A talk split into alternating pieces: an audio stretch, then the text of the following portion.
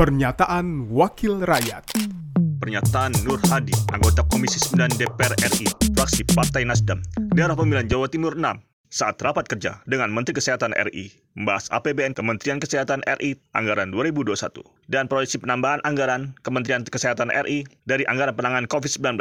Saya khawatir rapid antigen ini menjadi satu mata rantai eh, pengadaan yang ujung-ujungnya nanti akan bermasalah karena ada sesuatu, ada udang udang di balik batu yang saya pikir ini karena anggarannya cukup besar yaitu sekitar 12,5 triliun.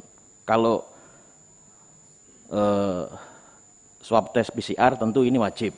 Yang saya pertanyakan rapid antigen karena akurasinya ketika saya awal Januari kemarin saya kena Covid Pak Menteri saya di swab antigen uh, rapid antigen negatif tapi di PCR positif.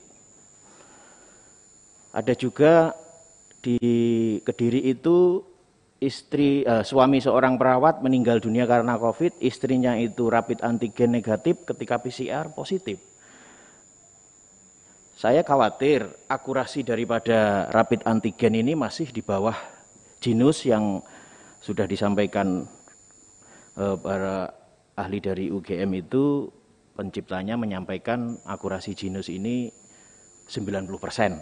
Pernyataan Nur Hadi, anggota Komisi 9 DPR RI, fraksi Partai Nasdem, daerah pemilihan Jawa Timur 6, produksi TV dan radio parlemen, Biro Pemerintahan Parlemen, Sekjen DPR RI. Pernyataan Wakil Rakyat